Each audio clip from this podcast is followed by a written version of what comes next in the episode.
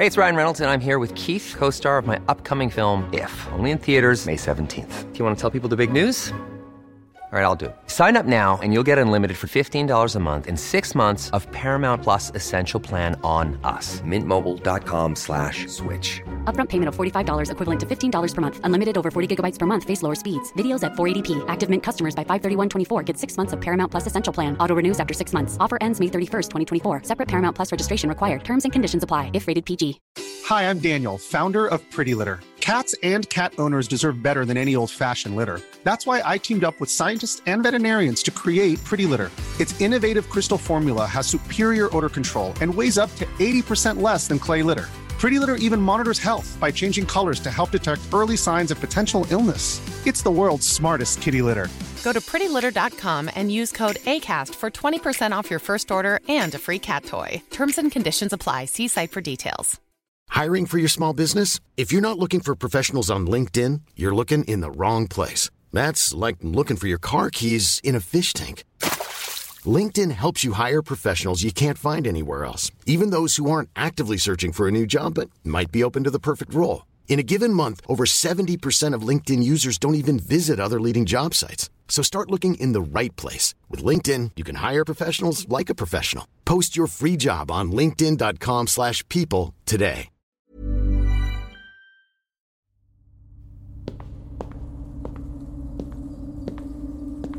Jag är fastspänd nu. Hur mycket jag än försöker vända och vrida kan jag inte komma loss. En bit bort hör jag metallverktygen klirra mot varandra. Känner den sterila doften av sprit. De tror att jag är galen och att det bara finns ett sätt att göra något åt det. Jag tänker på vilket som kommer att vara värst. Ljudet av skallbenet som spräcks eller smärtan av att det sker. Längre hinner jag inte tänka. Den kalla metallspetsen är redan mot min tinning.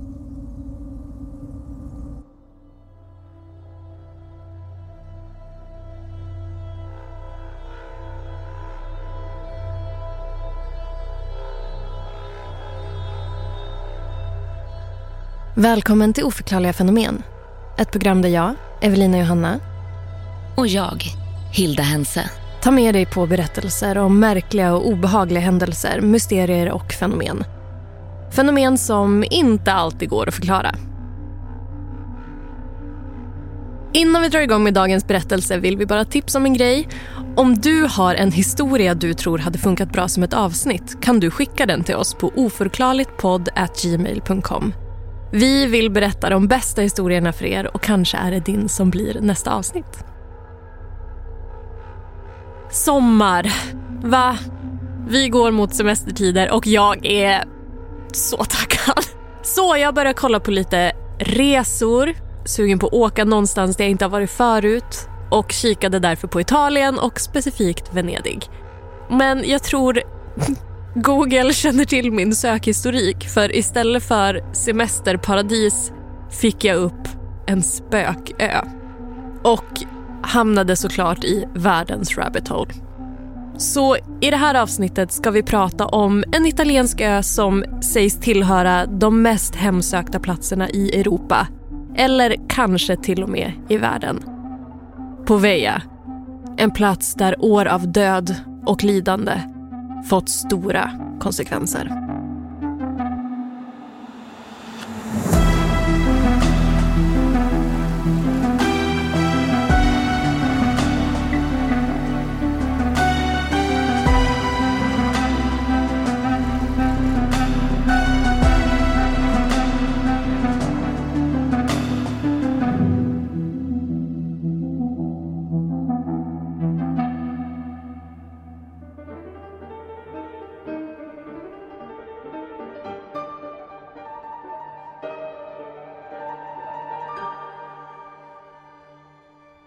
Laguna Veneta, den grunda lagunen utanför Venedigs kust, ligger öarna utspridda lite här och där. Sett från luften ser det lite ut som att de små landbitarna bara blivit utkastade på måfå där i den slutna viken. Som ett vackert, oregelbundet pärlband. Där, i den norra delen av det Adriatiska havet, ligger kända paradisöar som Torcello och Burano som årligen lockar semestersugna besökare som vill njuta av medelhavsmiljön. Men i samma vatten ligger också Poveglia. En ö som till skillnad från sina glamorösa grannar varit övergiven i många år. En plats som bär på så mörka rykten att den idag är stängd för allmänheten. Förbjuden mark för vanliga besökare som dig och mig.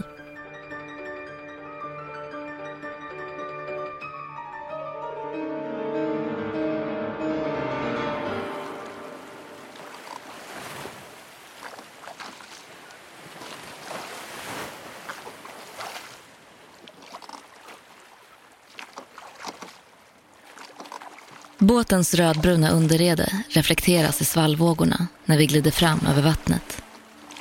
Den bräckliga spegelbilden bryts då och då av årorna som slår i vattenytan och skvätter till på vägen upp. Omkring oss guppar fiskebåtar fram i kvällssolen i väntan på dagens fångst. Det är en vacker syn, men jag kan inte njuta. Om jag hade fått välja hade jag inte ens varit här. Men jag får inte välja. Om det här fortsätter kommer jag att bli galen. Fast det verkar de tro att jag redan är. Varför skulle de annars skicka mig så här långt bort? Alla säger ju att livet börjar när man blir förälder. Men varför känner jag då ingenting? Från den första stunden jag höll det lilla knytet i min famn, mitt egna barn, kändes det främmande. Allt jag vill är att känna den där starka, villkorslösa kärleken men istället kommer bara tårar. Sedan förlossningen är det som att jag har tappat bort mig själv. Liksom kärnan i det som är jag. Och nu tornar ön upp sig där borta vid horisonten. Med den hisnande byggnaden. På Veglias sjukhus. Det som de säger kan bli min räddning. Jag lutar mig tillbaka i akten där jag sitter. Blundar en stund och låter mig omfamnas av den ljumma vinden intalar mig själv att allt kommer att bli bra.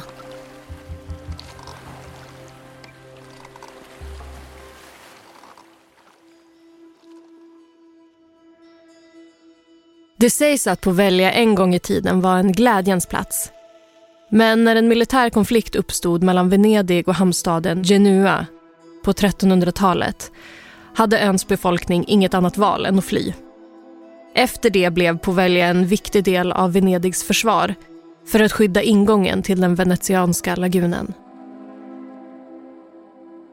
Sedan dess verkar Poveglia aldrig riktigt ha återhämtat sig. Ön betraktades länge som obeboelig innan den faktiskt kom till användning igen. Men den här gången inte som bostadsort utan som isoleringsanstalt. Från och med 1300-talets digerdöd slog våg efter våg av förödande pandemier över Europa och skördade otaliga offer.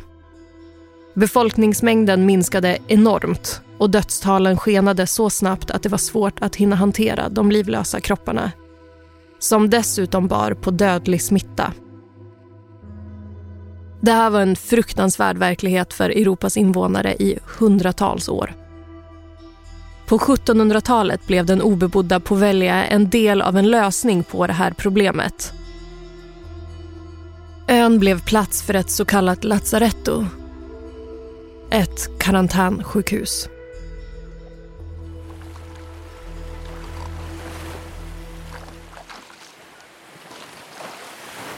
Utan förvarning sprider sig gåshud över mina armar.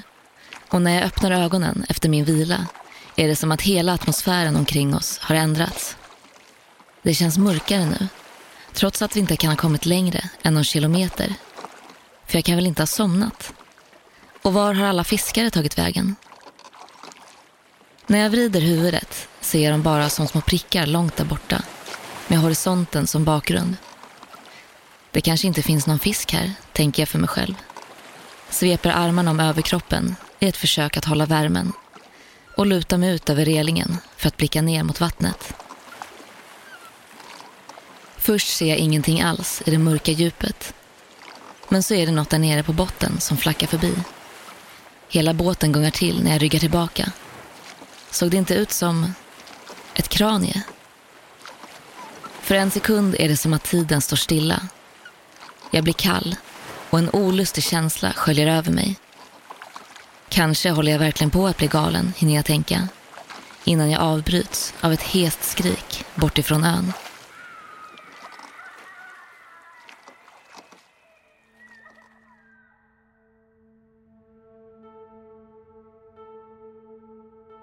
I ett försök att få bort de pestsmittade från fastlandet skickades de sjuka till Povelja där lik grävdes ner eller brändes i stora massgravar för att man skulle bli kvitt bördan. Det sägs att det till slut blev så illa att de på fastlandet som visade minsta symptom skildes från sina nära och kära och placerades på ön för att sakta se sina chanser att överleva försvinna iväg i röken från gravplatsen. Och sakta fick Povelja ett nytt smeknamn. Spökenas stad. För de som åkte dit kom sällan tillbaka.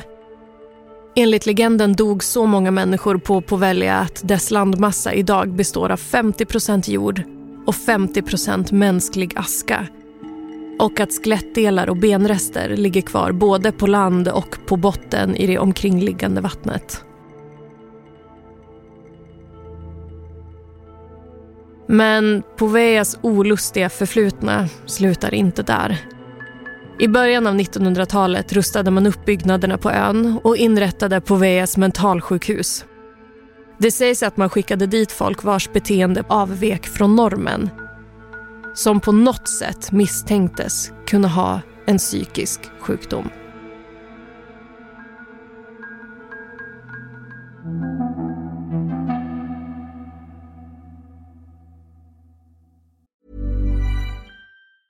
A lot can happen in three years, like a chatbot may be your new best friend. But what won't change? Needing health insurance. United Healthcare Tri Term Medical Plans, underwritten by Golden Rule Insurance Company, offer flexible, budget friendly coverage that lasts nearly three years in some states. Learn more at uh1.com. Hi, I'm Daniel, founder of Pretty Litter. Did you know cats tend to hide symptoms of sickness and pain? I learned this the hard way after losing my cat, Gingy. So I created Pretty Litter, a health monitoring litter that helps detect early signs of illness by changing colors, saving you money and potentially your cat's life. Pretty Litter is veterinarian developed, and it's the easiest way to keep tabs on your fur baby's health right at home. Go to prettylitter.com and use code ACAST for 20% off your first order and a free cat toy. Terms and conditions apply. See site for details. Hey, it's Ryan Reynolds, and I'm here with Keith, co star of my upcoming film, If, only in theaters, May 17th. Do you want to tell people the big news? All right, I'll do it. Sign up now and you'll get unlimited for $15 a month in six months of Paramount Plus Essential Plan on us. Mintmobile.com slash switch. Upfront payment of $45 equivalent to $15 per month. Unlimited over 40 gigabytes per month. Face lower speeds. Videos at 480p. Active Mint customers by 531.24 get six months of Paramount Plus Essential Plan. Auto renews after six months. Offer ends May 31st, 2024. Separate Paramount Plus registration required. Terms and conditions apply if rated PG.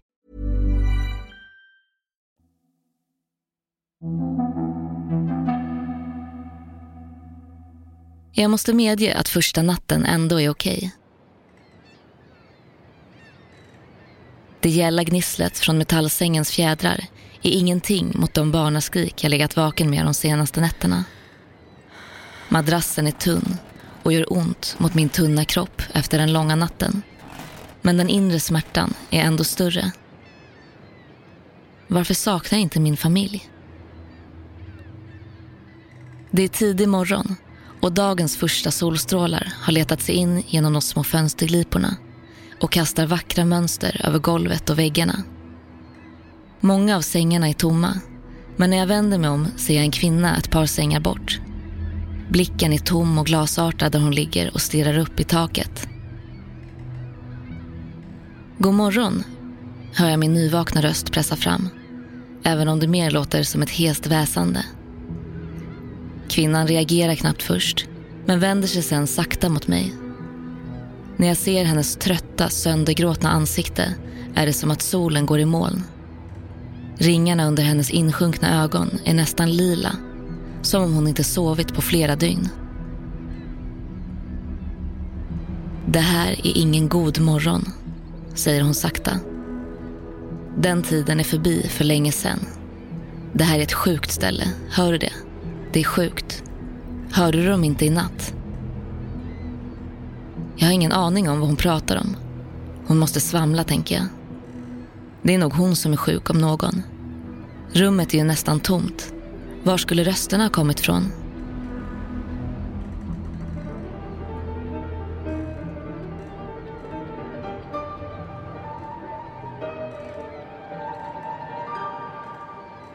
Den kanske mest kända historien om Poveas sjukhus handlar om en läkare som en gång var verksam där. Ryktena säger att han gärna experimenterade med okonventionella metoder på sina patienter vilket blev enklare med tanke på öns avskildhet långt bort från andras insyn. Någonstans runt 1920-talet ska den här läkaren ha genomfört lobotomier på sina patienter en grym form av psykokirurgi utförd med mejsel och hammare. Den brutala hjärnoperationen går i stora drag ut på att man gör hål i skallen på patienten för att ta sig in och skära av vissa nervbanor i hjärnan. På så sätt trodde man att man skulle kunna bota sinnessjukdom och lindra ångest. Men det ska visa sig att patienter som utsätts för lobotomi, särskilt i okontrollerade och experimentella former, kan få bestående hjärnskador eller till och med förlora livet. Och läkaren på Poveas sjukhus ska ha utfört sådana ingrepp. Ibland utan att ens ha en egentlig anledning till det.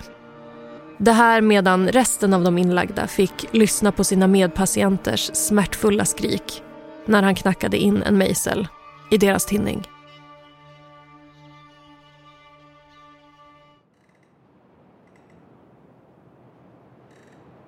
Kvinnan på andra sidan rummet viker inte med blicken. Hon vill ha ett svar.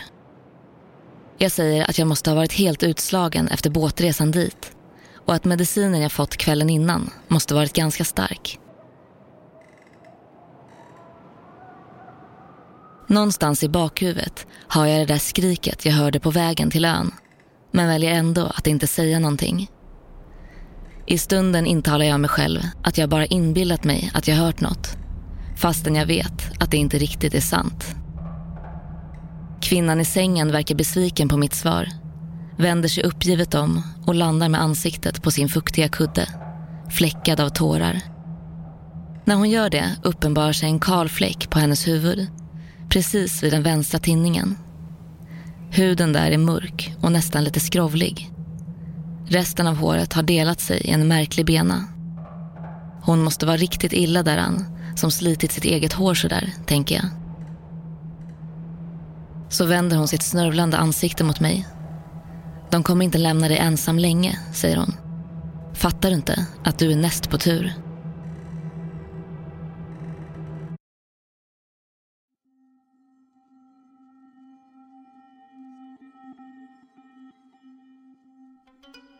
Ryktet säger att flera av de patienter läkaren utfört sina experiment på aldrig lämnade ön utan stannade kvar även efter döden. Tillsammans med de själar som bundits till ön sedan pestens tid skapade de en enorm energi som var svår att hantera. Och det sägs att läkaren till slut drevs till vansinne av rösterna, ljuden och skepnaderna omkring sig. För en dag faller han plötsligt mot en säker död från klocktornet på ön. Vissa menar att han kastade sig ut medan andra påstår att han blev knuffad. Idag sägs hans ande driva omkring sida vid sida med de plågade andar som han en gång dömde till döden. Klocktornet som han föll från finns kvar på ön som ett minne av det hemska som hänt där. Än idag kan fiskare och andra som rör sig i området kring ön höra klockorna från tornet slå fast det inte längre finns någon klocka där.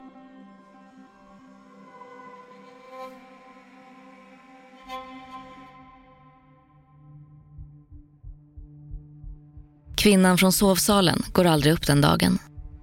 Det är som att hon är alldeles apatisk mellan sina små vredesutbrott. Som att hon skiftar mellan tomhet och förtvivlan. Jag tror inte att jag har sett henne le en enda gång sedan jag kom hit. Här kan jag inte stanna, tänker jag. Det är som att det ligger en tjock filt över hela rummet som liksom trycker ner en och gör det svårt att andas. Så fort jag får chansen tar jag mig ut till gårdsplanen för lite frisk luft. Golvet är kallt mot mina bara fötter när jag tassar bort från salen och ut i sjukhuskorridoren. Jag verkar ha hamnat någonstans i mitten av den. Rakt framför mig finns ett fönster med utsikt över vattnet. När jag ser vågorna slå mot strandkanten sveper en minnesbild förbi framför mina ögon. Kraniet på havets botten. Hur har det hamnat där? Och var kommer det ifrån?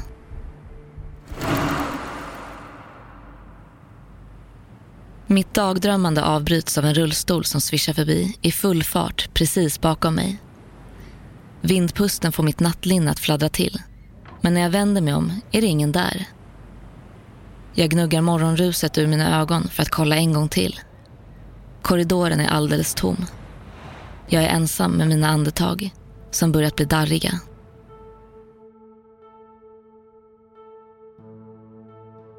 De som sägs hemsöka Poveja är både sådana som dött i pesten när ön var karantänstation för sjuka och patienter från det senare mentalsjukhuset. Flera av de rastlösa själarna verkar skräckslagna. Fortfarande rädda för läkaren som en gång gjorde livet outhärdligt. Det ryktas om en man med amputerade ben vars sorgsna själ far omkring i sin rullstol i sjukhusruinernas korridorer. En annan man vars skratt ekar över byggnaden även om han inte är där. Och kanske allra mest omtalat är gråten från en liten flicka som vankar av och an vid strandbädden. Ett barn som man tror föll offer för pesten i en alldeles för tidig ålder. Slets från sin familj och skickades till ön för att dö.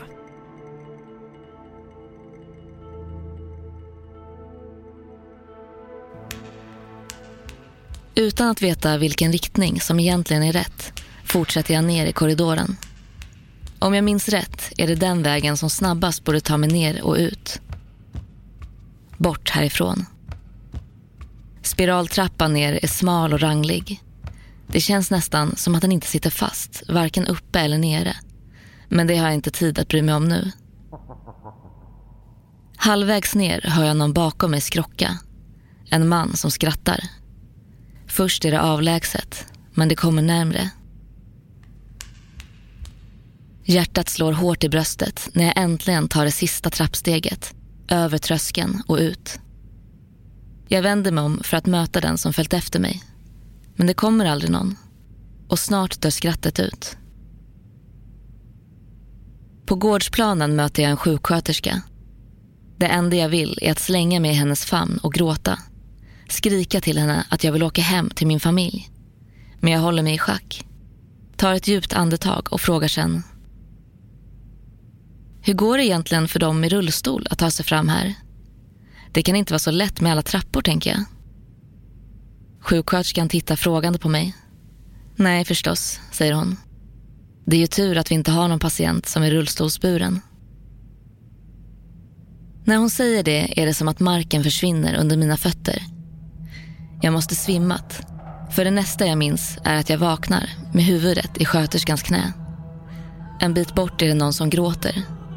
Det är sådana riktiga tårar från en människa i sorg. Det tar någon minut innan världen slutar snurra och jag kan sätta mig upp. Gå du och trösta hon som gråter, säger jag förläget. Jag klarar mig. När jag möter hennes blick ser jag hur hon himlar med ögonen som det var det dummaste hon hört. Du måste träffa doktorn. Och det snabbt, säger hon. Det är väl ingen som gråter? Det är ju bara du och jag här.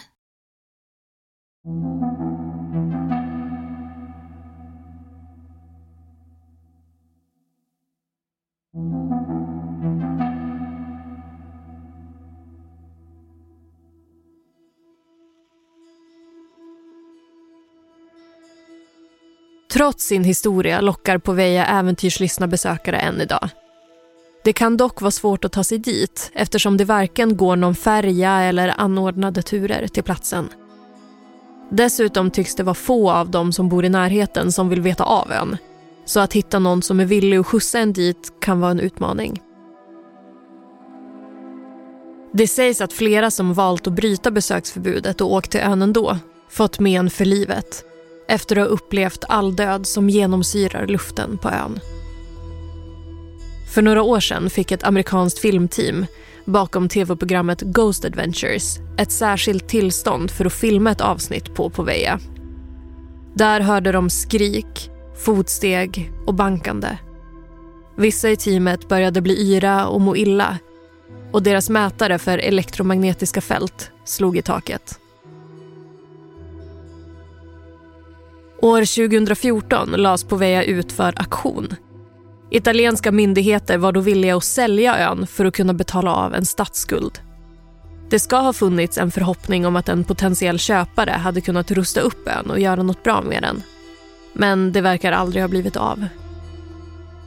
Enligt uppgifter ska en italiensk affärsman varit villig att köpa ön för att rusta upp och bygga om sjukhusruinerna. Men planerna gick i stöpet och Poveja förblir en enslig och isolerad plats i Venedigs lagun.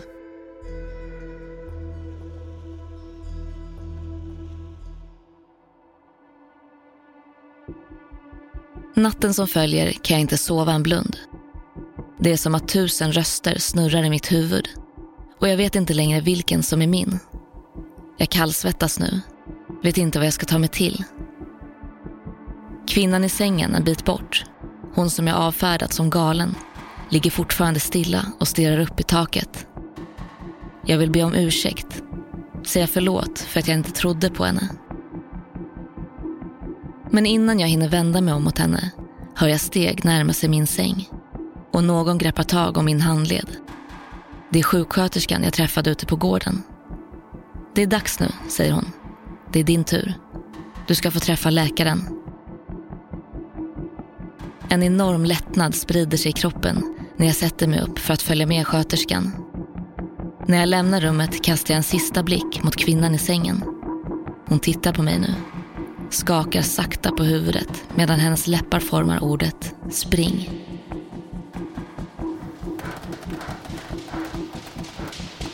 Väggarna är kala, sterila. Britsen är hård och kall. Hur mycket jag än försöker vända och vrida kan jag inte komma loss. Jag måste vara fastspänd.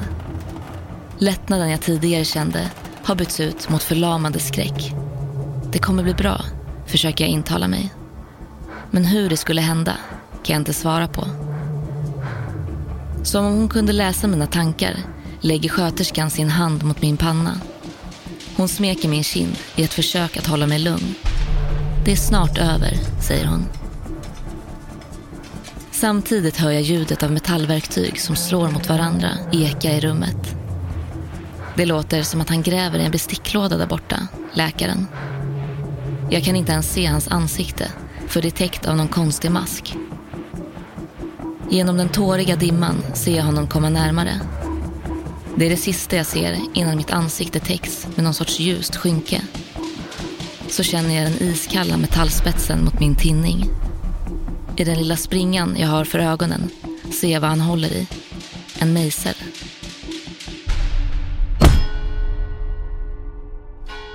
Det sista jag hör är klockorna ringa.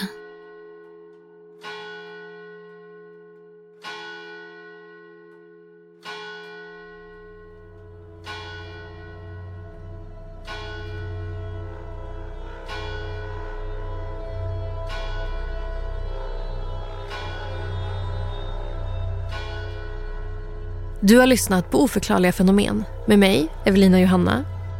Och mig, Hilda Hense. Glöm inte att följa oss på TikTok där ni kan se bilder från Povea. Har ni idéer på fler oförklarliga fenomen, lämna en kommentar eller skriv till oss på TikTok eller Instagram. Båda hittar ni om ni söker på ät oförklarliga fenomen.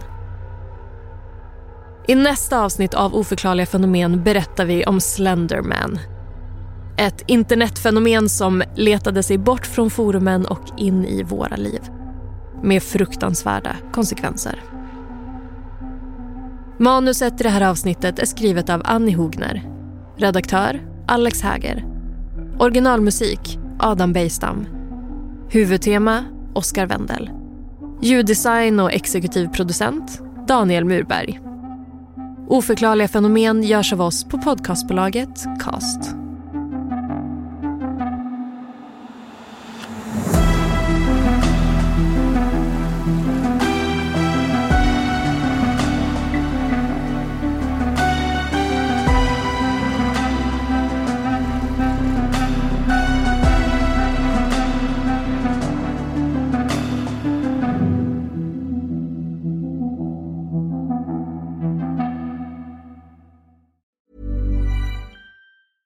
Hi, I'm Daniel, founder of Pretty Litter. Did you know cats tend to hide symptoms of sickness and pain? I learned this the hard way after losing my cat, Gingy. So I created Pretty Litter, a health monitoring litter that helps detect early signs of illness by changing colors, saving you money and potentially your cat's life. Pretty Litter is veterinarian developed, and it's the easiest way to keep tabs on your fur baby's health right at home. Go to prettylitter.com and use code ACAST for 20% off your first order and a free cat toy. Terms and conditions apply. See site for details.